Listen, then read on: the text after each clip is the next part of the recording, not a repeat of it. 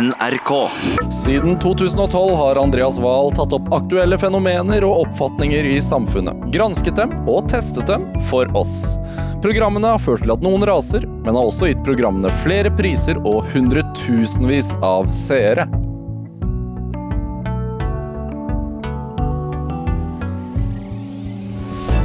Dette er Drivkraft med Vegard Larsen i NRK P2. Andreas Wahl, velkommen til Drivkraft. Tusen takk. Hvordan har du det? Jeg har det fint, jeg. Du har det fint? Ja. Er det, dere hadde uh, visning av episode to av uh, sesong fem av Folkeopplysningen i går. Stemmer. Er det, hvordan føles det sånn dagen derpå? Det er veldig fint. Det er jo sånn når man lager TV at man ligger jo langt så Dette er noe vi var, hadde hodene fulle av for eh, mange måneder siden. Og så nå, siste ukene, så har jeg hatt eh, tankene litt andre steder. Og så kommer det på skjermen. Sitter du, Ser du på det selv når det sendes direkte? Eller? Ikke i går gjorde jeg ikke det, men Nei. første episode så jeg direkte. Det er jo noe eget å føle at man ser det samtidig med resten av, eh, av landet. Ja, Er det et glass vin hver gang? Eh, nei, det kan det være. Det var ikke det nå. Du, eh, det, som sagt, da, det var jo visning av andre episode i går, og eh, der eh, valgte dere å skape en slags ja, La oss kalle det en drømmedag ja. for eh, Medi Etahadalhag. Eh, veldig vanskelig, beklager det, vanskelig etternavn. Eh, basert på informasjonen eh, eh, Medi da hadde lagt igjen om seg selv på internett. Ja. Eh, altså, det var min beskrivelse av det. Hva, hva gjorde dere egentlig? Nei, vi ville jo vise eh, eh, verdien og de eh, litt sånn problematiske sidene ved at vi legger igjen veldig mye informasjon om oss selv, og vi gjør det stort sett gratis og velvitende. Eller det vil si, vi har jo ofte ikke lest disse lange terms and conditions. Men, eh, men vi legger igjen mye, og det er det på en måte valutaen vi betaler for gratis tjeneste med. Eh, og så hadde vi lyst til å vise hva som finnes, og hva man kan gjøre med det, og hva det kan brukes til. Og selvfølgelig så vi lager jo et underholdningsprogram også, så vi vil at folk skal se på og synes det er interessant. Og da bestemte vi oss for å finne et menneske som vi kunne hente ut eh, alt vi klarte å finne offentlig om eh, personen på nettet, og så bygge en helt eh, vanvittig dag basert på det. Men hvorfor falt dere ned på Med- Etahudulhag? På medier. Ja, på Eh, medier. Det er ikke fordi vi nå kan kalle episoden for sosiale medier, som vi syns er veldig eh, tørrvittig internt. Det er jo fordi, etter å ha kasta og snakket med veldig mange, eller hatt en lang castingprosess, så var det medier vi var tryggest på at kom til å tåle det her, og syntes det var ok. Eh, og eh, kanskje gi litt av seg selv da, og, og reflektere litt rundt det her. For han er en veldig en reflektert og smart fyr som samtidig har eh, følelsene på utsida av kroppen, og, man kan måtte, få lov til å være med. Også, Det var, det var viktig å finne en, en fyr som hadde Eller eh, et menneske som hadde ryggrad nok til å kunne tåle det i ettertid, liksom. ja, ryggrad, og, og at vi kunne få lov til å være med seerne, og vi kan få lov til å være med på den refleksjonen rundt eh, hva er det dette betyr, og hva ja, Oi, dette er mine data. Oi, altså, altså, vi får lov til å være med på ja, den, den, eh, den litt skremmende opplevelsen det jo eh, er, som vi, som vi bygger. Så det vi gjorde, var at vi, vi, mm, vi eh, tok kontakt med broren hans eh, og, og fikk eh, måtte go derfra også på at dette er noe medie tåler. Ja. Eh, men vi fikk ikke noe informasjon fra broren. Han har ikke gitt oss, han har ikke fortalt oss noe medie. Alt har vi funnet åpent på nettet. Ja, det, det var, dere ville ikke ha noe informasjon. Nei, Nei. riktig. Og så har vi brukt det til å bygge en, eh, en dag, og målet var jo da å få han til å ta en, en, en avgjørelse, et valg, på slutten av dagen som han aldri i verden ville tatt eh, ellers. Eh, og i hans tilfelle så er det han er gründer, så er det et selskap han har jobbet med i mange år, og sammen med broren sin, og som betyr veldig veldig, veldig mye for han, og vi ville at han skulle velge det bort. da. Droppe det. Eh, eller i hvert fall prøve å få han til å gjøre det. Eh, og så, Det er en fin historie for å fortelle om det som er problematisk her, er jo at vi deler så mye data, og at det er et par store selskaper i verden som eier all den dataen og bruker den til, til å tjene penger. Og det er jo for så vidt eh, greit. Vi, det er mange som vil tjene penger. Men det blir problematisk når man setter det sammen med første episode om valg og demokrati. og Hvem er det som kan kjøpe seg påvirkning? Hvem er det som kan kjøpe seg plass i lomma di? Midt mellom bildet av eh, nesene dine i Lofoten og, og tanta di på, på Sørlandet og eh, favorittbandet ditt. Så plutselig kommer det noe som folk har betalt for å plassere akkurat der, for de vet akkurat hvem du er, akkurat hva du interesserer deg for. Så det er denne problematikken vi har lyst til å eh, vise fram. da. Vil, vil du si at eh, de sporene mediet hadde lagt igjen på, på nettet, er representativt for de fleste? Både og. Han er jo ikke en, eh, et A4-menneske. Han er veldig interessant, men jeg tror vi snakker om mengden og hvor personlig det var, og sånn, så tror jeg det er ganske representativt. Vi alle har lagt igjen eh, ting, i hvert fall de, ikke alle, men de aller fleste av oss ha, finnes det spor av på, på nettet. Som det går an å, å, å grave i. Og så er det jo hadde vi fått tilgang, altså hadde vi fått passordet til Facebook-kontoen hans og fått måte, et, et, et, blikk på innsiden, så hadde vi hatt enormt mye mer. Og det er jo det Facebook og Google og Amazon og alle disse har. De, har jo, de vet jo enormt mye mer. Vi tok bare det som var offentlig tilgjengelig. Vi visste ikke engang hvem som var vennene hans på Facebook og, og Instagram. Men det klarte vi å finne ut eh, likevel. Eh, på utsiden ved å, ved å, prøve å analysere hvem som interagerte mest. og sånn. Det... øh... Altså, når, når jobbet, Dere har jobbet eh, med denne dokumentaren en stund, og antageligvis veier liksom etikken fram og tilbake. Altså, er du nervøs når det skal lanseres? Tenker du sånn, Har vi, har vi alt på vårt, alt på det tørre nå, liksom? Eh, man er alltid litt nervøs, men vi går så vi går så grundig igjennom det og diskuterer eh, oppsider og nedsider og, og snakker med juridisk avdeling eh, her på NRK og andre steder. og og tar veldig grundig diskusjon på forhånd. Sånn at jeg føler meg Det høres kanskje litt sånn uh, arrogant ut, men jeg føler meg ganske trygg, som regel. Også i første episoden om valget på Lillestrøm. På at kan, ikke, at, ikke, at, vi har gjort alt rett, uh, jeg syns det er viktig å diskutere etterkant, men, men trygghet på at uh, dette, dette, står både vi for, som har laget det eksternt for NRK, og at det står NRK for også til, til topps i ledelsen. og da da føles det ganske trygt og bra. Og så jobber jeg jo med en helt vanvittig dyktig gjeng. da. Det er jo hovedgrunnen til at det føles uh, at jeg ikke er så nervøs. Men, men uh, har Medi sett altså Fikk han se dokumentaren selv før den ble sendt? Eller? Ja. ja. Og fordi det, i, dokumentaren hans uh, vi, vi, kunne risikert at Medi sa da det ble avslørt, at bare Aldri i verden. No way. Ja. Aldri i verden. Men han tar, han tar det ganske fint, ser det ut som. Han, han, eh, han, var, eh, han, eh, var, shaky, han rista, var, var, men likevel, så etter å få tenkt seg om litt, og sånn, så tror jeg han også ser verdien i å fortelle folk om dette. da. Belyse det. Altså, sånn Rent faktisk det dere gjør, er jo at uh, dere setter jo opp en, en dag med en rekke uh, tilfeldigheter som er litt altså, Det virker som tilfeldigheter på mediet, men det er nøye planlagt fra vår side. Ikke sant, ja. altså, det, Han møter en uh, gammel klassekamerat som studerte sammen med han i USA. De har aldri møttes før, men uh, denne skuespilleren dere har leid inn, overbeviser mediet om at de gikk sammen ja, og studerte i USA. Basert på det vi har funnet på nettet. Og så ja. vet vi at han liker Eh, Marvel-universet, tegneserieuniverset. Vi leser at han liker sånn actionfilmer og vikingfilmer og sånne ting. Elsker Game of Thrones, så vi får jo Kristoffer Hivju til å komme og være en litt, eh, litt voldsom og eksentrisk produsent for en film han skal prøvefilme for en, for en statistrolle. Eh, og så kommer Hivju inn, og de eh, lar seg eh, overbevise av medisk skuespillerferdigheter. og og tilbyr han nærmest hovedrollen, i hvert fall insinuerer at det kan skje, hvis de bare blir kjent. Og Så er de ute i parken og kler seg ut og gjør masse pinlige ting som media antakeligvis vanligvis ville sitte ganske langt inne og gjøre. Men når Hivju gjør det sammen med deg, så ja. Hvert fall når Når kameraet er der og ja, noen, noen, filmer det og Fordi han har et, et fiktivt dokument, dokumentarteam også som følger han. Ja, han tror Han var på en casting som han da aldri fikk. Det var den første runden, eh, og da hadde vi mange inne. Eh, og så er det ingen som får den rollen, eh, men ved å ha snakket med dem og, og ved å ha signert litt på papirer og sånn, så har vi, vet vi at vi, vi kan Ja, vi vet en del om dem. Og så når vi går videre, så trenger vi en eller annen måte å følge han på. Og skjulte kameraer hjemme hos han blir voldsomt. Så da finner vi på en, en, en fiktiv serie som heter Etter oljen. Som da er en veldig smal, liten NRK3-serie som skal følge gründere som han. Og det er på en måte unnskyldningen for at det er kamera. Og så gjør vi han liksom vant med å ha disse kameraene på slep.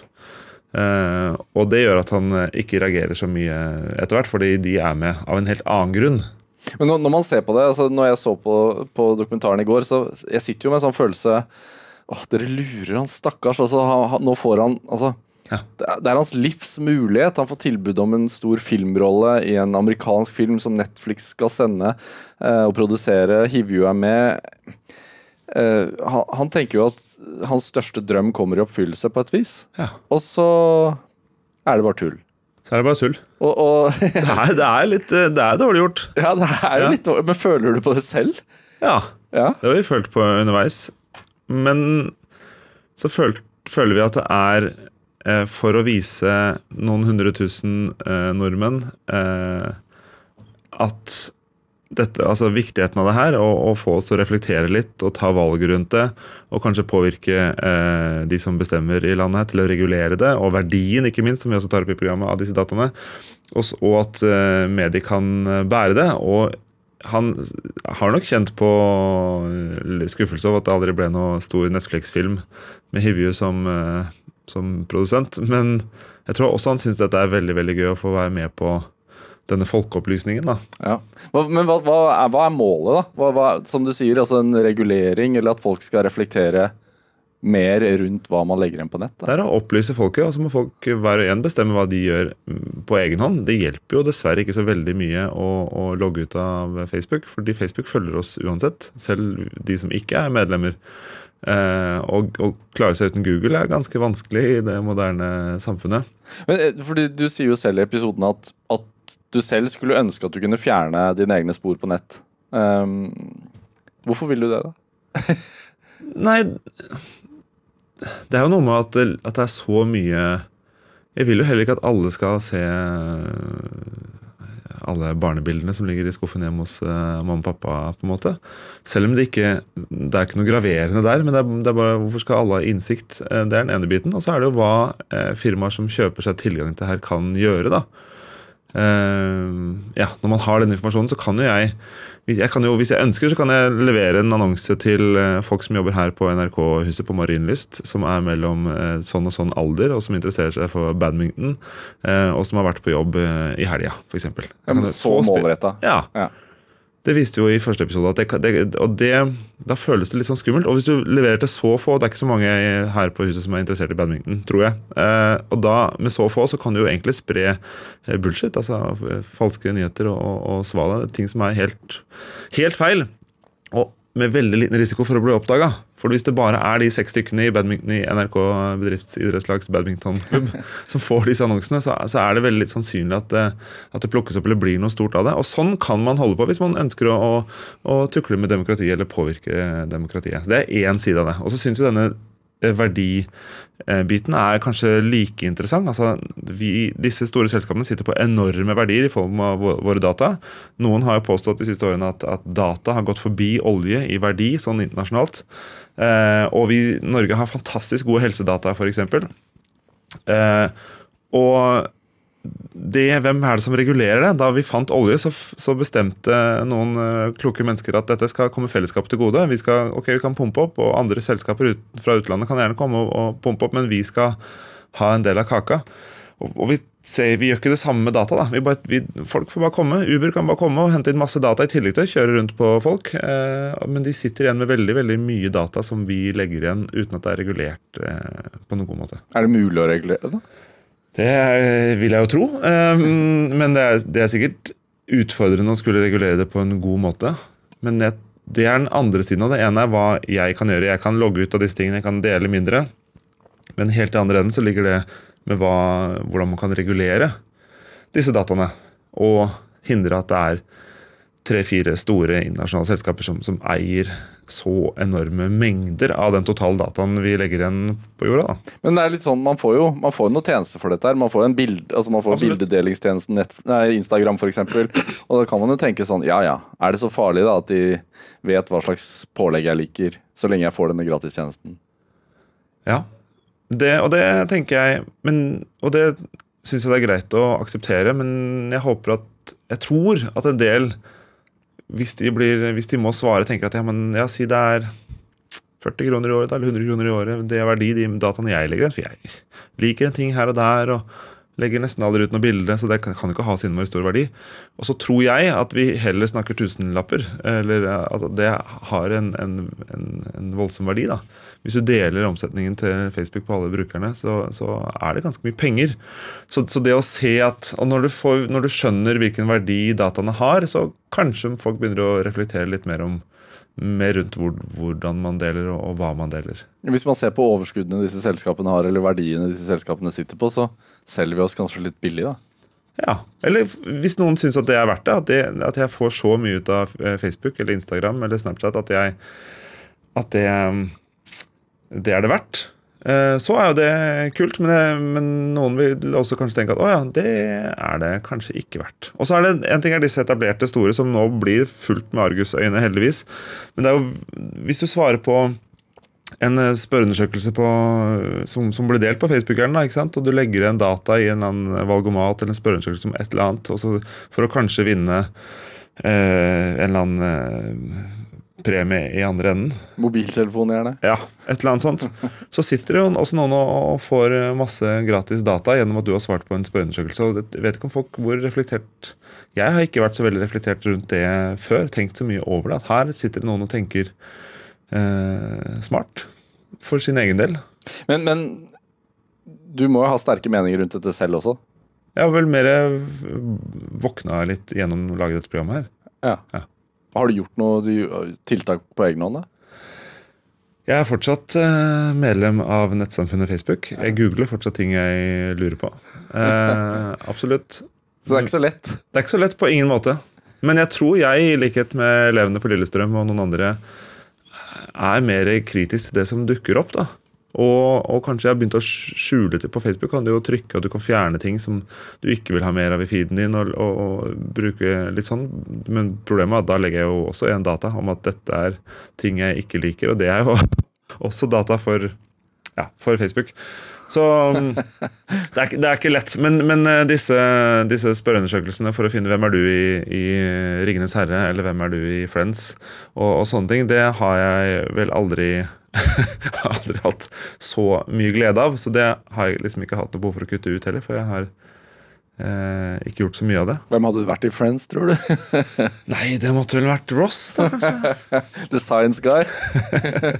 um, altså dere, dere får reaksjoner, eh, og, og kanskje litt mer enn vanlig også for denne sesongen av Folkeopplysningen. Jeg tror folk blir litt overraska fordi vi gjør noe helt nytt. Tidligere fire sesonger så har vi eh, tetta hull mellom hva folk tror om et tema, og hva den beste forskningen på området sier. Også denne gangen så går vi ut, og, og som vi sier i programmet, så sprer jeg bullshit selv. Ja. Så vi går ut, vi manipulerer på et, lite, på et lite plan for å vise manipulasjonen som skjer på litt større plan. Når man, når man bruker sånne virkemidler, er det en fare da for at metoden øh, kan oppleves så kontroversiell at budskapet kan bli glemt? Ja. Ja. Mm. Men har dere tenkt gjennom det? Ja, vi, ja, vi det, Vi har jo vurdert det på egen hånd, så gjenstår det å se når, når eh, en halv million eh, ser det, om om, eh, ja, om, om, om vi Om metodene ikke kan forsvares, da. Er det, er det en god ting for folkeopplysningen folk reagerer i ettertid? Altså jeg tenker sånn, eh, Det er femte sesongen nå. Det, det er et program som har vunnet flere gullruter. Dere har 600 000 seere. Um, veldig veldig mange som hyller dere, men det er også ofte noen som reagerer sterkt. Ja. Um, hvorfor tror du at det klarer å skape den type forargelse? Det er fordi vi prøver å vise ting folk ikke vet før, og da vil jo en del bli overraska. Tidligere har det jo alltid vært, ikke alltid, men ofte vært en eller annen gruppe mennesker som, som føler seg tråkket på tærne, eller som føler at dette er mitt gebet. Dette, ikke, det, ja, dette kan ikke dere noe om. Eh, som, som har blitt forbanna. Jeg syns det er veldig fascinerende for min del at det er mange som kommer og sier ja, kjempefine programmer. Bortsett fra. Eh, og så har alle sitt program, fordi jeg går til kiropraktor, og det dere sa om kiropraktikk, det stemmer ikke, for jeg ble frisk. Eh, eller eh, jeg, går til healer, eller jeg spiser kjøtt, eller Alle har Eller jeg er økologisk bonde, eller Alle, alle har sånn, et sånt unntak, da. Og for meg som får mange av disse tilbakemeldingene, så syns jeg det er fascinerende fordi når alle har sitt unntak fra det de liker av programmene, men liker alle de andre. Og vi føler at vi har smidd dem over samme lest de fire første sesongene. Så er det litt, det er litt underholdende også. Fordi for, ja, når, når, når, du mener at nei, akkurat, de, akkurat, på dette programmet så var dere ikke så vitenskapelige og hadde ikke så gode kilder og gikk ikke så grundig til verks, men på alle de andre så syns jeg dere gjorde veldig bra jobb. Og så sitter det en, en på andre siden og, og, mener akkurat det samme, men om et annet program. da. Det, det er noe jeg har oppdaga etter hvert og, og ja, syns er eh, spennende. jo, men, men det kan jo hende de har rett også. Er, er, det ikke sånn i vitenskapen? da? Det er Absolutt. ingen sikkerhet, det er ingen fasit. Absolutt. Vi går jo bare og venter på at noen kommer med, med, veldig god dokumentasjon. Eller at det kommer en studie som sier at noe vi har gjort, sagt før i Folkeopplysningen er, er, fullstendig feil. Og sånn. Eh, og da mener vi at vi burde være de første til å rydde opp og, og si at vi tok feil. Sånn var det ikke. Har det skjedd til nå, da? Ikke, ikke nei. nei. Kanskje på noen mindre detaljer, men uh, ikke så mye, nei. Vi, eller, at har, eller, at vi har, misset et eller annet stort og, og en stor og viktig uh, sånn eh, metastudie eller systematisk oversikt f.eks. ville jo vært pinlig for oss. Så vi, vi, prøver jo å, å, gjøre og jobbe med noen vanvittige dyktige researchere og, eh, og folk i redaksjonen som, som kan dette. Og, og, så langt har vi jo føler jeg at vi har eh, lykkes med det, å vise hva den beste forskningen viser. Og så har vi nå i sesong fem valgt å gjøre det litt annerledes for å belyse noe vi mener er litt viktig i samfunnet. Men, men kan det gå inn på deg eh, sånn personlig, hvis noen sier sånn eh, Andreas Wahl, programmet ditt har ødelagt livsverket mitt? uh, ja, jeg syns jo Hva skal jeg si? Hvis du har basert livsverket ditt på uh, noe som ikke har noe uh, vitenskapelig hold, så har du jo litt uh, skyld i det selv. Men jeg syns jo og jeg har veldig stor forståelse for at hvis man skal gå langt tilbake til, til alternative behandlere, f.eks., som vi hadde i første sesong, så at en som har fått blomsterbukett på blomsterbukett og konfektesker fra folk som kommer og sier 'Å, tusen takk, livet mitt er så mye finere', og, og 'mannen min og barna mine eller kona mi eller det, ja, 'alt funker så mye bedre', og 'tusen takk'. Du skal ikke få så mange av de blomsterbukettene i året før du er helt og hellig overbevist om at det du driver med, virker. Og, og, ja, og da hjelper det ikke at, det kommer, at jeg kommer med en stor eh, forskningsrapport som sier noe annet. Den kan være på så mange sider du vil. Du får ikke, du får ikke rikket det. Men jeg kan jo fortsatt forstå det personlige i at noen kommer og kritiserer det du driver med. Det som du har liksom basert livet ditt på. At noen kommer og sier nei, men det er ikke helt sånn. Eh, kan det, det være ubehagelig å gjøre det? Veldig ubehagelig. Ja, ja. Jeg syns det, jeg det, er Mye av det vi har lagd i Folkeopplysningen, syns jeg er kjempeubehagelig. Jeg liker ikke å konfrontere mennesker. Eh, så Men så føles det viktig, da. Det er vel det. Dette er Drivkraft med Vegard Larsen i NRK P2. Og i dag så har vi fysiker og programleder i Folkeopplysningen Andreas Wahl her hos meg. Eh, som ung mann så starta du med en slags sånn teatertrupp? ja, det er eh, å gi det veldig mye Hadde dere noen navn? Vi het uh, Tønsberg Underholdningsklubb. Og det var, det var, veldig kreativt. Det var, ja. Er fra Tønsberg, da. Det var Drev med underholdning. Ja. ja møttes ukentlig, så da var det Tønsberg Underholdningsklubb. Nei, men det, det, var jeg og en kompis som hadde møttes gjennom korpset. Jeg er jo korpsnerd. I hjertet, i hvert fall. Um, og jeg kunne sjonglere litt, og han kunne trylle litt. Og så lærte vi litt av hverandre. Dette var i begynnelsen av tenårene. Og så hadde vi lyst til at andre skulle få den gleden, da, og lære bort til andre. Så vi starta vår eget fritidstilbud på Eik utenfor Tønsberg. Blandet det å være gründer med det å underholde? Ja, da, I starten var det ikke så gründerrette, for det, vi, det, var ikke noe økonomi i det. Vi bare fikk lov til å låne et lokale på skolen gratis eh, og hadde litt utstyr selv. og Så hang vi opp noen lapper, og så kom det noen barn, gjerne med foreldre som lurte på hvilken, hvilken sekt eller menighet er det som arrangerer det her. For det var gratis fritidstilbud eh, arrangert av en 12-åring og en 14-åring. Eh, men, eh, men det, det, gikk fort over, da, heldigvis, og, og, og, var veldig gøy og populært eh, lenge. Og så etter hvert ja, har du rett i at når vi kom litt mer mot slutten av tenårene, så ble det litt business. Da starta vi et lite firma basert på det, eller med utgangspunkt i det. Eh, som drev med familie, barnefamilieunderholdning. Men Var du tolvåringen eller 14-åringen? Tolvåringen. Altså, men som tolvåring så tenker man altså, å tenke da at man skal starte opp en lille Nei, Tønsberg underholdningsklubb, var det det det het? Ja. Ja. Eh, hvor, hvor kommer dette fra? Hvordan fant dere på det? Jeg vet ikke. Vi hadde lyst til å Vi hadde vel ikke så mange sperrer, da. Og så hadde vi vel foreldre som tenkte ja, Ja. ok. Drømte du egentlig om å stå på en teaterscene og Mm, jeg tror ikke jeg hadde noen drømmer om det, men jeg har alltid likt det Jeg har alltid likt det Eller ikke alltid likt det godt. Jeg var en ganske stille og beskjeden gutt på, på barneskolen. Så men i Tønsberg underholdningsklubb så var det ikke så veldig mye på scenen. Det var mer å læ- Altså, vi hadde Vi sjonglerte og, og trylla og gjøgla og litt sånn. Og så var det I halloween-tider så var det å ha sånne spøkelsesshow. Og du kan jo se for deg når en 12- og en 14-åring får med eh, noen 8-åringer og 10-åringer og sånn til å gjøre noe sånt, så, så er det på det nivået. Eh, Men vi syntes det var gøy da, å sette sammen og bygge sammen noe og, og instruere litt og ansvar for noe. Ja, Så det Jeg tror jeg kan takke noe av det jeg gjør i dag, for at vi begynte tidlig. Men hva var det Fikk du allerede da et slags sånn Altså, du fikk, du fikk noe ut av det å underholde barn? Og, og drive noen slags formidling til barn? Ja, det tror jeg. For det har fulgt deg litt. Det har fulgt meg. Så jeg tror at det, det våknet kanskje en formidler eh, og en eh, underholder eller entertainer i meg da.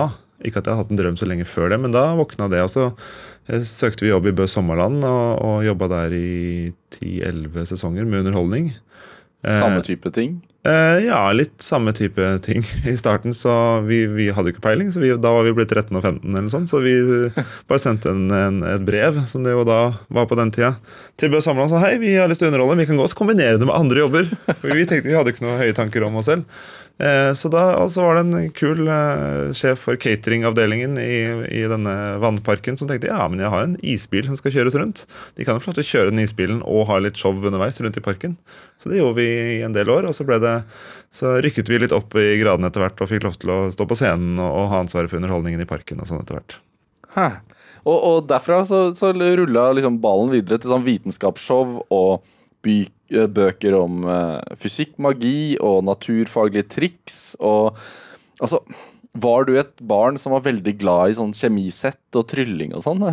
Virkelig Trylling kanskje etter hvert. Jeg ble litt sånn uh, Fikk jo det inn fra han kompisen min som, som, var, som kunne litt trylling da vi møttes. Ja. Uh, Og du var han kjipe som bare ville avsløre hvordan han gjorde det, kanskje? Uh, nei, jeg lærte Vi, vi gjorde det sammen etter hvert og bygde egne illusjoner og syntes det var veldig, veldig spennende. Også, men jeg kom med sjoneringsballene og hadde lært meg eh, den biten. Eh, men men eh, Ja, nå glemte jeg spørsmålet ditt. Jeg, Nei, det var vel helt jeg, jeg, jeg, jeg, vandrer inn i, i barndommen og, og prøver å se det for meg, og så glemmer Ja. jeg hva du egentlig, hva Men, men, men, men det virker som for meg at det har vært viktig for deg eh, fra ganske tidlig av å, å drive med vitenskapsformidling til barn og unge. da. Ja. Hvor- ja, ikke hvor- formidling kanskje da i starten, og så eh, helt opp eh, på videregående jobba jeg også i Bø Sommerland og drev dette lille firmaet som, som, som både drev med å formidle underholdning. Og så bestemte jeg meg da for å flytte til Trondheim og studere fysikk. Eh, og det ble sånn opphold i underholdningen. Jeg drev firma, og førte bilag og, og tok telefonen i, opp i Trondheim. Og så på slutten av studiene så åpnet det seg en mulighet hvor mine to verdener, fysikk og underholdning, kunne komme sammen igjen. Eh, og, og, så det var der det, dette vitenskapelige underholdningen og formidlingen av, av eh, kunnskap og vitenskap dukka opp. Hva er det som er så fascinerende med fysikk? da? Uh, det er mange ting. Ja, men jeg har aldri vært frelst på, på fysikk sånn Men jeg har alltid vært veldig nysgjerrig. Og av alle ting jeg kunne studere, så tror jeg kanskje det er fysikken som gir svar på flest ting. da. Fortsatt en ganske liten del, men, men hvis, du, hvis du plukker fra hverandre dette radiostudioet, denne sendingen vi, du, jo, Når du plukker fra hverandre, så vil det slutt ende opp med fysikk. Eh, det var noen som støpte noe greier ute på eh, utafor bygget her. Eh, med store maskiner og, og en eh, sementmasse som skulle stivne og sånn. Hvis du plukker det fra hverandre, så ender du til slutt opp med fysikk. Så det er veldig mye eh, hvis du, Helse, hvis du plukker det fra hverandre, så ender du opp med liksom biofysikk. Så du, du, fysikken er en sånn grunnmur, da. Det er veldig digg. Eh, ellers så syns jeg det er vanskelig, fordi altså, hvis du sier kjemi til en til noen så, så ser folk for seg noen boblende væsker og noe, noe glass som det helles fra til det andre. Eh, det er veldig sånn tydelig Ikke at, er, at all er det, men det er veldig tydelig. Mens fysikken sliter der, for fysikken har de aller største tingene med ute i verdensrommet, og de har de aller minste tingene med partikkelakseleratorer og sånn. Og alt imellom. og det er, liksom, det er vanskeligere å si hva fysikk er. Fysikk har et større image-problem, kanskje. Eh, men jeg valgte det fordi det hjalp meg med noe av nysgjerrigheten. Ja. Ja. På hvilken måte da? Nei, ved at det er grunnlaget for så mye annet. Og ved å forstå litt fysikk, så kan du resonnere deg fram til en del ting. I hvert fall, og Det er ikke sikkert det er riktig, men jeg liker det mye bedre enn å pugge Pugge, pugge ting, da.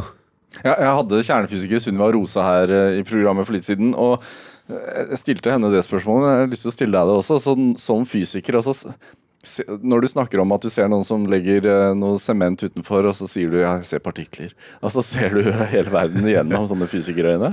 Nei, jeg, Jeg, tror ikke jeg ser sitter, vi her som stjernestøv, liksom? Ja, det er vi jo, du og jeg. eh, Og disse atomene som utgjør deg, eh, har jo vært noe annet. Kanskje de var i, i, i en av kroppsvæskene til Genghis Khan, eller i tåneglen til en dinosaur, eller et eller annet. Tenker du det? Ja, men det er fordi du spør nå. Jeg går jo ikke rundt og ser verden eh, som atomer. Men, men jeg, det gir nok en ekstra Jeg føler at det gir en ekstra dimensjon. Det er en kjent fysiker som heter Richard Feynman, som snakker om dette med at, at en, en kunstnervenn av han mener at, at eh, jeg ser liksom det vakre i denne blomsten, og du ser bare disse tingene her. Molekylene og, og nektaren og hvordan det spiller sammen og, og sånn. Og så, og så parerer han med at det er, det er jo ikke sånn der. Han kan jo også se denne eh, skjønnheten i blomsten, og samtidig se dette andre. Så jeg vil si at det, det, det, kommer på, det kommer i tillegg, eller på toppen. Det er sånn ekstra lag med å forstå. Men jeg går jo ikke rundt og eh, ser alt i fysikk og formler og atomer og sånn. Men det å ha dette grunn, altså som en slags sånn grunn grunnvitenskap Eller sånn, du har grunnkunnskapen da, om fysikken. Ja. Gjør det deg tryggere på et vis? ja, det tror jeg. På hvilken måte da? Nei Jeg tror at det hadde vært vans At jeg hadde stått litt mindre trygt i dette programmet vi har snakket om, Folkeopplysningen, hvis det ikke var for at jeg hadde fysikken med meg. Fordi det gir en sånn innsikt i veldig, det veldig mange altså du kan komme inn, Jeg tror jeg kan gå inn i veldig mange eh, bedrifter i Norge og ikke ha noe peil, men likevel ganske fort klare å liksom hekte meg på noen ting. Fordi, fordi så mye er bygget på fysikk på en eller annen måte, så kan jeg, så kan jeg få litt innsikt. Så det har gitt en trygghet, men jeg tror først og fremst det har gitt en glede i å utforske og prøve å forstå. da. På jobbintervjuer, du blir ikke nervøs fordi det som sitter foran deg, er bare en haug med atomer og partikler. Nei, men da tenker jeg mer ok, hvordan, hvordan, hvordan fungerer dette her? Da er det matematikeren mer. Hvor mange har dere inne? Hvordan er prosessen videre? Hvor mange runder er det? Hva er igjen? Hvor mange, hvilken, hvilken sjanse har jeg egentlig på å få den jobben? Ja, du tenker sånn. Ja, Jeg har ikke vært eh, i noe jobbintervju sånn ordentlig, da. Jo, eh, etter studiene så begynte jeg jo med formidlingen jeg driver med øh, i dag. Ja. Og jobber for meg selv. Så derfor så har jeg ikke vært på den type jobbintervju. Nei. Nei. Hmm. Men uh, du, du formidler jo uh, denne kunnskapen til, til barn og unge. Uh, og du har skrevet bøker om vitenskapsspørsmål til barn. Mhm. Hva er det barna lurer mest på? da? Barna lurer på mye av det samme som voksne, men de tør å Spørre. spørre, da. Eh, Så det er noe av det. det Et høydepunkt i uka for meg er at jeg svarer på spørsmål i barneavisa Aftenposten Junior. Der de, de spør om eh, hvorfor blir vi røde i kinna når det er kaldt ute, f.eks. For, eksempel? for det blir man jo egentlig når det er varmt. Altså Når du sitter i badstue når du har løpt en skikkelig joggetur, da blir du rød i fjeset, så blir du det også når det blir kaldt. Eller hvorfor er det umulig å åpne en fryserdøra etter at du åpna fryseren, tatt ut is, og så lukker du igjen? Og hvis du skal hente mer is umiddelbart, så sitter den fryserdøra nesten fullstendig fast. Eller hvorfor eh, lager vi grimaser når vi spiser eh, sure ting? Eller eh, hvorfor smelter ost i ovnen, men ikke skinke? Hva er, som er, hva er greia der? Hvorfor er, hva er det med osten som gjør at den kan smelte, men skinka Du kan holde på så lenge du vil og skru temperaturen så høyt du vil, men den vil ikke smelte. Eh, sånne ting som jeg tror mange voksne også kan lure på, og som mange, og jeg også, reagerer sånn som deg, at det er veldig lett å liksom Ja, det var et morsomt spørsmål. Og så stopper det der. Så, så fortsetter barn, da. Eh, og det syns jeg er eh, noe fint, og som jeg prøver å dyrke. da Så Det er ikke sånn at det er ikke så viktig å ha alle svarene, men det er viktig å vanne den nysgjerrigheten, sånn at den kan eh, spire og gro. ja, men det, den derre Ha, det var et morsomt spørsmål. Eh, det er jo en forsvarsmekanisme fordi man ikke har svaret. Ja. Og- Men det er ikke så langt fra Ha, det var et morsomt spørsmål. Jeg vet ikke, men la oss finne ut sammen. Ja. Det er den jeg jakter på. Ikke at man skal ha svaret, men la oss prøve å finne ut av det. Du har jo barn selv. Hender det at de spør om noe, og så googler du sånn, sånn at ikke de skal se deg, og så kommer du med svaret? Eh, de, har jo ikke noe, de er to og fire, så de har ikke, så stort, de har ikke noe forhold til Google. Så det trenger jeg ikke å gjemme bort. at jeg googler. Eh, og ikke har det kommet så mye sånne spørsmål. Det er mer at eh, noen ting er det veldig vanskelig å forklare og vise. Så noen ganger så må jeg fram med en skjerm og vise et eller annet dyr eller et eller annet fenomen som vi snakker om. Det kan skje. Hvorfor får man grimaser når man spiser sure ting, da? Det er det ulike um, teorier om. Altså noe, at noe er surt, eh, og smaken vår er jo ofte en indikator på å- hvor um, Altså at noe kan også være ugunstig for oss, eller direkte farlig for oss. Altså Råtten mat, f.eks., får vi en umiddelbar reaksjon på. Altså Vi brekker oss eller og får grimaser. Og Det handler litt om å lukke igjen eh, mulighetene for å bli smitta. Eh, nå snakker vi om eh, noe som har skjedd i, gjennom evolusjonen for tusenvis av år siden. Kom det over noen sånne ting, så, så lønte det seg å ha smale øyre og, og litt sånn smale nesebor og lukke igjen. Eh, det er en, eh, teori. En annen teori er den sosiale. At det å gjøre en grimase sender signaler til, til andre i flokken om at dette, er det, dette er ikke noe å trakte etter. Eh, move on. Eh, og så er det sikkert noen flere teorier som jeg eh, researchet, researchet og fant ut da jeg svarte på dette spørsmålet for eh, sju år siden. Eh, men som jeg ikke husker når jeg sitter her hos deg. Du, Denne interessen din, er det noe du har med deg hjemmefra? Den Nysgjerrigheten? Eh, Moren og faren din nysgjerrige? Er det, har, har, de, har de arbeidet frem nysgjerrigheten, eller har den alltid vært hos deg, tror du? Det vet jeg ikke. Eh, det, er, det er ikke noe vi har snakket om. Altså, jeg har jo, eh, jeg har jo en eh, legemor og sivilingeniørfar, så noe naturvitenskapelig påvirkning må jeg ha fått derfra. Men Og jeg tror de har vært flinke til å svare på spørsmål. Jeg vet at jeg hadde, jeg hadde skole for barna mine Nei, for barna mine, for søsk, søsknene mine. Jeg mindre søsken, så jeg arrangerte skole hjemme. Jeg var ikke nok, på, nok, nok på å gå på skolen selv. Jeg skulle arrangere skole for dem når de gikk i barnehagen og sånn hjemme. Så det har vært en sånn formidlingsgreie der hele tiden, og kanskje nysgjerrighet også. Men om de har gjort noen spesielle tiltak, vet jeg ikke. Ja, gjør du noen tiltak selv da, mot dine egne barn for å øh, nære oppunder nysgjerrighet? Ja, mer i det siste. Nære oppunder og, og vanne. For vi, er vi ikke alle født nysgjerrige? Er, du nevnte før vi gikk inn i studio her at du har et lite barn på noen 18 måneder. eller sånt, og De putter jo ting i munnen. Det er sånn de utforsker og tester eh, ting. Det er der vi kommer fra. Vi er jo født nysgjerrige. Og så er det noen som legger det fra seg underveis. eh, Og de som fortsetter med det, de har eh, gjerne eh, yrkestittelen forsker eh, i dag. Og får egne TV-program? Det kan, kan, skje. Dette er Drivkraft med Vegard Larsen i NRK P2. Og i dag så har vi fysiker og programleder i Folkeopplysningen, Andreas Wahl, her hos meg. Du, du stoler jo ekstremt på vitenskap. Eh, Faktisk så mye at du har laget et TV-program om, TV om det. Altså der du gang på gang utsatte deg selv for livsfare uh, for å bevise da at naturlovene de funker faktisk. Eller de gjelder. Ja. Um, Du Noen av, altså jeg stoler ikke på all vitenskap som blindt, men akkurat disse åtte fysiske eh, tingene og demonstrasjonene de valgte jeg å stole på med mitt eget liv. Ja, du, du gjorde jo det. Ja, ja, Klatret eh, 40 meter opp i været med en støvsuger Ja, støvsuger, så jeg sugde meg fast til, til glassveggen. for å bevise at den faktisk hadde styrke nok til å Altså som en slags sugekopp, da. Ja. Eh, du testa om man kunne fly med helt ordinære, vanlige sånne heliumsballonger. Mm. Eh, du var en menneskelig lynavleder. Absolutt. Alt for å havne på TV. Nei da, men hvorfor, hvorfor gjorde du dette her? Stilte, stilte meg foran et våpen og, og trakk av, Ja. riktignok under vann. da. Nei, det, Jeg gjorde det for, fordi jeg hadde Det var en sånn formidlingstrang eller ønske om at innen fysikk altså I vitenskapen så liker vi å si at ingenting er helt eh, sikkert. Eh, det er, du kan vite noe veldig sikkert, men det skal jo bare eh, eh, et godt bevis til for å falsifisere, for å avkrefte. da. Men i fysikken så er det noen ting som er såpass sikre, fordi det har vært testa så mange mennesker på så mange kanter av planeten i så mange ulike kulturer over så mange år, at det tar vi Det, altså, det er fakta. Det, det stemmer.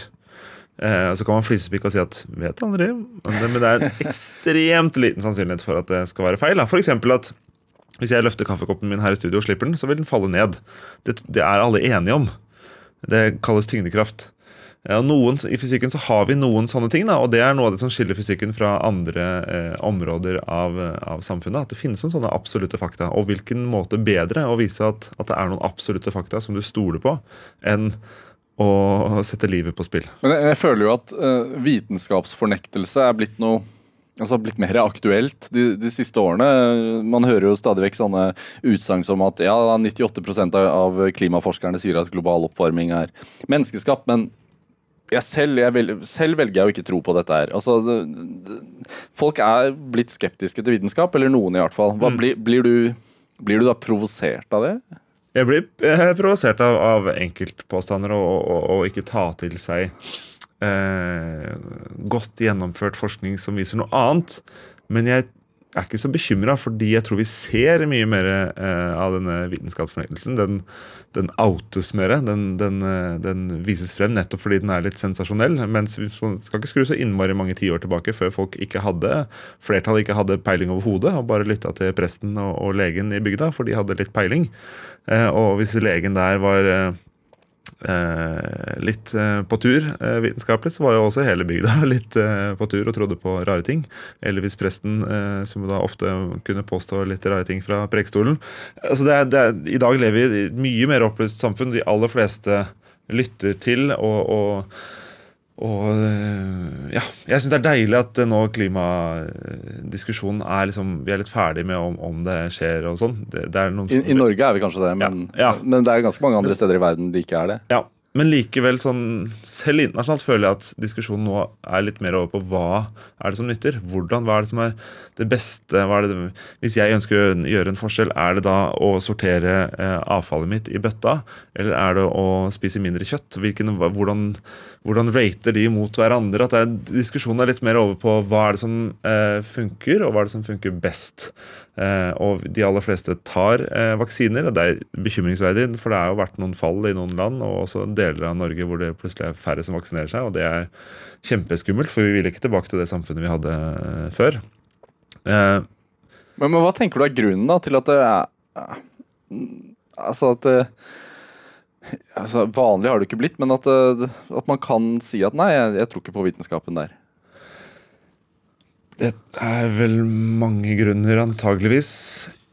En av dem kan være at det å Altså, vi mennesker er veldig glad i å fortelle historier eh, og være interessante.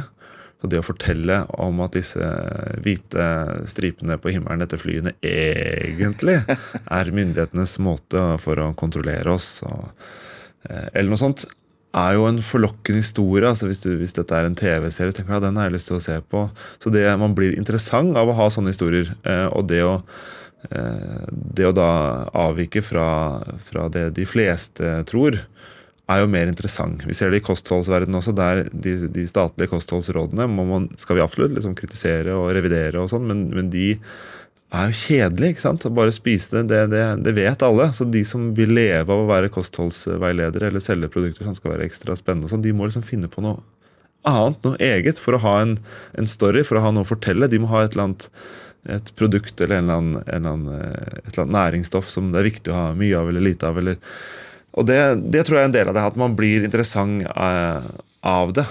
Så, så når alle mener at Eh, global oppvarming er menneskeskapt, så, så, står man mer ut og er mer spesiell hvis man sier nei. Det tror jeg er én komponent av det. Um, jeg har nylig snakket med en flatjorder, en som mener at jorda er flat, f.eks. Og det Jeg tror at en del av de som Eh, som eh, er åpne og tydelige på at de mener jorda er flat, eh, liker den oppmerksomheten som følger med og syns det er en interessant tankegang. Så er det sikkert også noen, og sikkert en komponent også at du, at du mener du har oppdaget sannheten og resten av verden ikke henger med. At du har et behov for å liksom vekke oss andre. da, Hallo! Jorda er ikke en kule, den er flat som en pizza. Når noen sier det til deg, får du et behov da for å si dette var en tease for øvrig til siste episode av, av NRK Folkeopplysningen. Ja, reklame du driver med. Nei, men det, det, det, var derfor jeg møtte en, en flatjurer. For jeg har ikke så mange av dem i vennekretsen min ellers. Hvis du hadde hatt det, hadde, hadde personen vært utstøtta? Nei, jeg tror ikke. Jeg syns det var dypt fascinerende. Så jeg tror egentlig ikke det. Men, får du et behov, Vanskelig å forholde seg til, selvfølgelig, men også veldig veldig fascinerende. men du får et behov for å motbevise det personen sier. Ikke motbevise, men, men plukke det fra altså, men, la, la, Vis meg, hjelp meg å forstå hvordan du kunne lande på det standpunktet. Fortell, hvordan tenker du? Betyr det at hvis jeg reiser rett opp nå, så kommer jeg til slutt til en sånn glasskuppel à la Truman Show? Er det det du mener når du, når du, når du ser for deg en pizza med Og så er jo svaret ja. Sånn, men, men, men, men vi har skutt opp raketter! Og, så, og når, når svaret der er ja, det sier de at de har gjort. Så begynner det å sprekke. Men jeg, ja, jeg syns det er mer interessant å prøve å, å grave i det og plukke det fra hverandre og se. Fortell hvordan, hvordan er ikke redd, er ikke redd for å fremstå som en sånn besserwisser, da. Jeg er jo stempla som riksbesserwisser. Er ikke det, er ikke det tittelen når man er programleder for Folkeopplysningen? Nei, men Hva, jo, men hva tenker du om det, egentlig? eh, jeg liker jo nysgjerrigheten eh, bedre enn besserwisser-rollen. Men når vi lager folkeopplysninger, så er jo det med mål om å gå så grundig til verks at vi ikke eh, skal drite oss ut og måtte gå ut og beklage etterpå. Det er snakk om å, å på temaer vi mener er viktige, fordi det kan hjelpe folk å ta bedre valg i livet sitt. Eller eh, ikke kaste bort så mye penger, eller leve friskere eh, og lengre, eller sånne type ting. Vi mener at det Ja. Så, så der skjønner jeg jo at folk eh, Vi har blitt kalt et besserwissersk program. Eh, og det kan jeg jo skjønne, for vi prøver jo å, å formidle den beste, beste kunnskapen som finnes på området. Og så kan vi ta feil, men vi, målet vårt er å formidle det beste som finnes i dag. Hvis noen motbeviser det du sier, da, blir du, hvordan reagerer du da? Eh, jeg er jo menneske, så jeg kan jo reagere som alle andre. Eh, det har skjedd Eller det, det jeg kommer på nå, er at jeg for noen år siden gikk i butikken og så en paprika pakket inn i plast enkeltvis. Altså plast rundt den ene paprikaen, og jeg blei så provosert. Hva er poenget med det? liksom? Den ene paprikaen. Jeg kan plukke den opp, ta den med hjem, jeg kan skylle den. Hvorfor må den ha plast rundt seg? Og delte det på på eh, Instagram, da. Eh, Så Mike Zuckerberg kunne tjene litt mer penger. Og da jeg- fikk jeg jo motbør. For da var det flere folk som kunne mye mer om det her, som sa det er ikke helt så enkelt, Andreas. La meg fortelle. Og da ved å ha plast rundt, eh, så, får du, så eh, holder paprikaen seg mye lenger. Du får mindre matsvinn. Og det at du kan dyrke litt færre paprikaer for hver paprika som spises, at det er litt mindre svinn, har en enormt mye større eh, påvirkning. Eller ja, det er, det er så mye bedre for miljøet at de fire grammene med ekstra plast de har, har ikke så, så mye å si, forutsatt at de havner i plastavfall. Ble du flau da. Da blir jeg jo litt eh, flau, eh, selvfølgelig. Det ja, og det ville, det ville til de grader blitt i Folkeopplysningen. Eh, hvis det hadde noe, For det er litt mer gjennomresearcha. Men jeg syns også det er gøy. da Jeg får en sånn glede av at ja, fader. Og det er noe av det vakreste jeg vet i vitenskapen, er jo den derre eh, Nettopp det å snu seg rundt og tenke at det du har eh, jobbet med eller drevet med hele livet, kanskje ikke stemmer. Og si sånn Nei, men da Altså, se for deg en en overlege eh, ved en eh, barneklinikk i, i Canada som har gitt eh, Nå tar jeg et eksempel jeg kjenner eh, godt. Eh, som har gitt eh, nyfødte barn, for tidlig fødte barn rent oksygen hele livet for å redde dem, for å hjelpe dem. Og så kommer det en ny og solid forskning som sier at nei, men vi andre puster jo ikke rent oksygen. Er vi sikre på at rent oksygen er det beste? Og så forsker de på det, og så viser det seg at det er ikke det. Det er, en, det er 40% eller 60% eller er noe annet eh, som er det beste.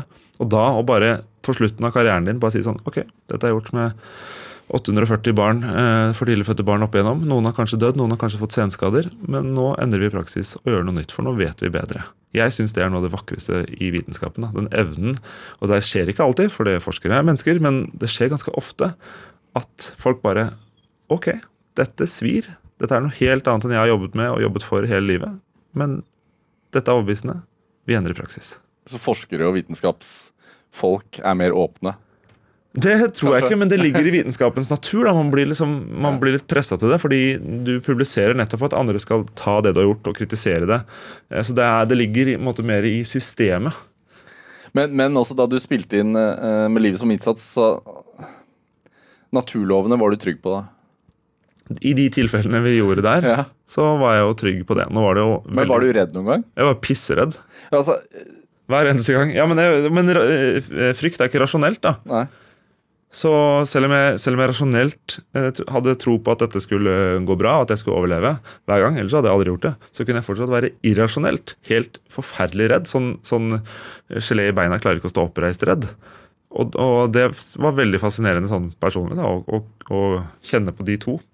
Dette, dette bør jo gå bra. Med, med stor sannsynlighet bør jeg overleve dette her. Og likevel synes det var så grusomt eh, skummelt. Men hvordan var det da å liksom gå hjemmefra på morgenen og si sånn Ha det bra, nå går jeg på jobb og risikerer livet enda en gang i vitenskapens navn? Nei, vi snakka ikke så mye eh, om det hjemme. Jeg var jo da Da hadde vi Vi hadde ikke blitt foreldre ennå, men eh, barnet var på vei. Så det å da skulle gå ut og gjøre de tingene, var, det satte i gang noen tanker. Og også grunnen til at vi ikke har lagd noen flere sesonger eh, av Med liv som innsats. Fordi det En ting er at du er så trygg, men, men for hva, liksom? Det er jo litt for høyt risiko eh, for å miste livet enn sammenligna med å, å gå på gata eller sitte i sofaen hjemme eller jobbe på et kontor.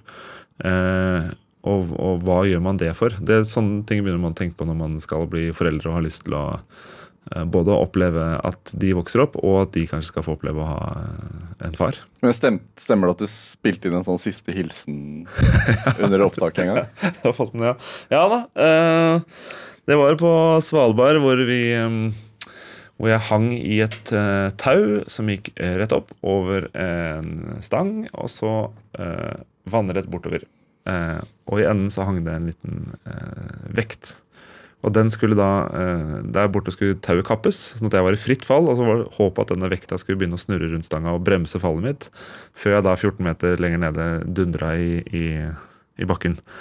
Og da tenkte jeg liksom for sikkerhets skyld, og vi hadde, det var tid til det, hang lenge jeg tenkte skal Vi hadde gjort mange tester, selvfølgelig, men hvor mange tester med en dummy uh, av deg selv vil du se før du er trygg? Altså Holder det med, med 4 eller 14 eller 24 eller 104 eller 1400? Hvor mange, når er det du liksom Hvor mange suksesser må du ha før du tror at det går riktig neste gang? Hvor mange måtte du ha? Nei, det, det husker jeg ikke, men vi holdt på i flere dager, så det, det var mange runder. Og så var det en, eh, en eh, god kollega av meg som heter Johan, som hang i stroppen eh, under dette stillaset. Under denne taubanegreiene utafor Longyearbyen, og filma.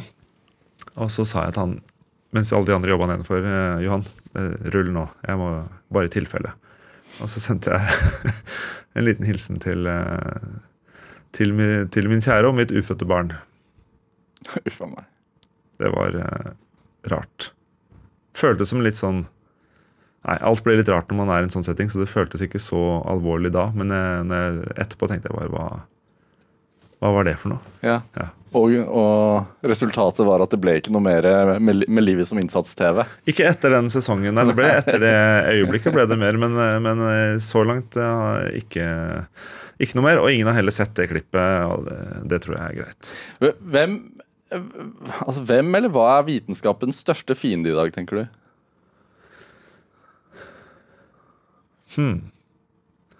Nei, det er vel den, litt den uh, uh, uvitenskapen, altså hva At man bare kan Ja, det sitter, som uh, Anders Anundsen sa i vårt program, altså det, det viser den, folk, den forskningen du sitter på, men jeg har forskning som viser noe annet. At man, at man, at man veldig lett avfeier Og ikke Det er ikke sånn at forskning alltid har rett, men Eh, men i, over tid så, så har det en sånn selvkorrigerende greie med å kritisere hverandre og plukke fra hverandre og vise hva som Så de gangene forskningen feiler, så blir det veldig tydelig, da, veldig pinlig og veldig eh, slått opp. Eh, som regel. Eh, men det å avfeie forskning som at nei, det, er, det er bare én måte å jobbe på som, uh, som ikke funker på det jeg driver med, eller et eller annet, det det er en sånn antivitenskapelig tankegang som, som, som er uskyldig i noen tilfeller, men som kan uh, gjøre at vi får, flere, får tilbake sykdommer vi egentlig er kvitt. Det kan gjøre at vi gjør valg som, kan være til det verre for menneskeheten. Da. Er du, blir du redd av sånne meninger? Mm, litt. Blir jo litt redd når det er noen i Det hvite hus som bare avfeier eh, forskning og vitenskap som noe som, som kan brukes når det passer med egen overbevisning. Men når det ikke passer med egen overbevisning, så har de, er det fake news.